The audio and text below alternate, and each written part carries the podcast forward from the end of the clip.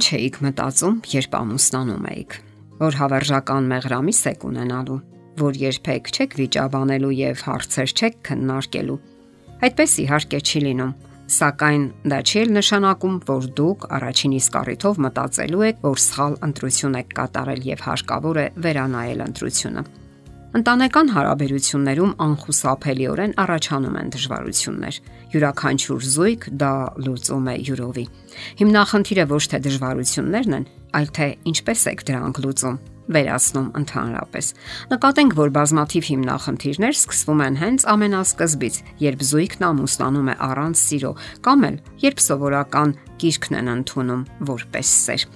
Նրանք պարզապես չեն կարողանում կիրքը տարբերել իրական սիրուց։ Իսկ ինչ է սերը, փորձենք բարձաբանել։ Սերը կապվածության, փոխադարձ կախվածության, վստահության, ջերմության զգացում է այդ մարդու հետ լինելու, նրան լիովին վստահելու եւ նրա հետ անկեղծորեն կիսվելու խոր ու երկարատև զգացմունք։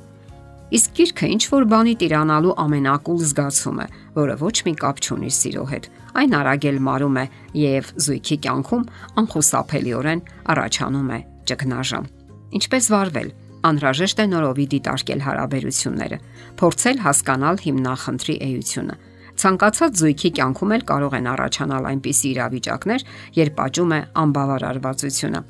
Կանգ առեք յուրաքանչյուր իրավիճակ քննելու առանձին առանձին եւ հասկացեք ինչ է կատարվում։ Այլապես, որքան շատ արտահայտ եք ձեր դժգոհությունը, այնքան ավելի դիմացինը պաշտպանական դիրք կընդունի, կսկսի արթարանալ եւ փոխադարձել մեղադրանքները։ Շատերն էլ նման դեպքերում սկսում են դրսում ելք որոնել, գնալ դավաճանության եւ այլ քայլերի, ինչը վերջնականապես կփչացնի հարաբերությունը։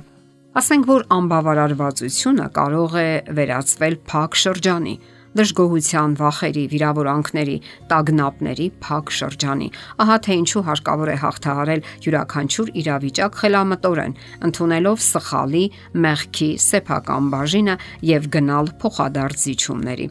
Հենց այդ ժամանակ է հարկավոր հիշել, որ ամուսնությունը հավերժական միություն է եւ այն հարկավոր է պահպանել։ Հետաքրքիր է, որ թյուրամբռնումների շատ դեպքեր առաջանում են այն ժամանակ, երբ կողմերը չեն կարողանում իրականացնել իրենց ցանկությունները, չեն դրսևորվում թե դրսում եւ թե անձնական կյանքում։ Նման դեպքերում ավելի շուտ հարկավոր է միաբանվել, այլ ոչ թե պայքարել միմյանց դեմ։ Շատ տղամարդկանց թվում է, թե իրենք պարտվում են կանանց դեմ պայքարում եւ հարկավոր է փրկել իրենց ինքնասիրությունն ու տղամարդկային ուսադիրները։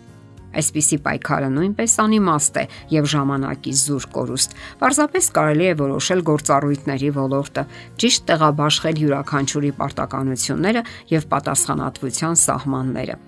ներդրեք այն լավագույնը, որը դուք կարող եք, ինչը ավելի լավ է ստացվում ձեզ մոտ։ Ձեր առավելագույն ուժերն ու ժամանակը ներդրեք ընտանեկան գանձատուփի մեջ։ Մի համեմատվեք միմյանց հետ Դուք տարբեր անznավորություններ եք, որ միաբանվել եք ընդհանուր նպատակի շուրջ եւ համատեղ պայքար եք մղում ոչ թե միմյանց դեմ, այլ միմյանց հետ։ Միմյանց դեմ պայքարում երկուսդ էլ կպարտվեք եւ միակողմանի հաղթողներ չկան։ Առանց այն էլ այնքան շատ են շրջապատող աշխարհի հիմնախնդիրները եւ հանգամանքների դեմ բախումները, եւ որքան բան եք կորցնում դուք այն դեպքում, երբ չեք համագործակցում միմյանց հետ, չեք սովորում միմյանցից, չեք օգնում մյուսին քաշելու կենսական բեռի իր համար նախատեսված բաժինը։ Իսկ երբ միասին կենսական հաղթանակներ եք տանում, վայելում եք համատեղ պայքարի հաճելի արդյունքները։ Այդ ժամանակ դուք արդեն մտածում եք, որ հավերժ միասին լինելը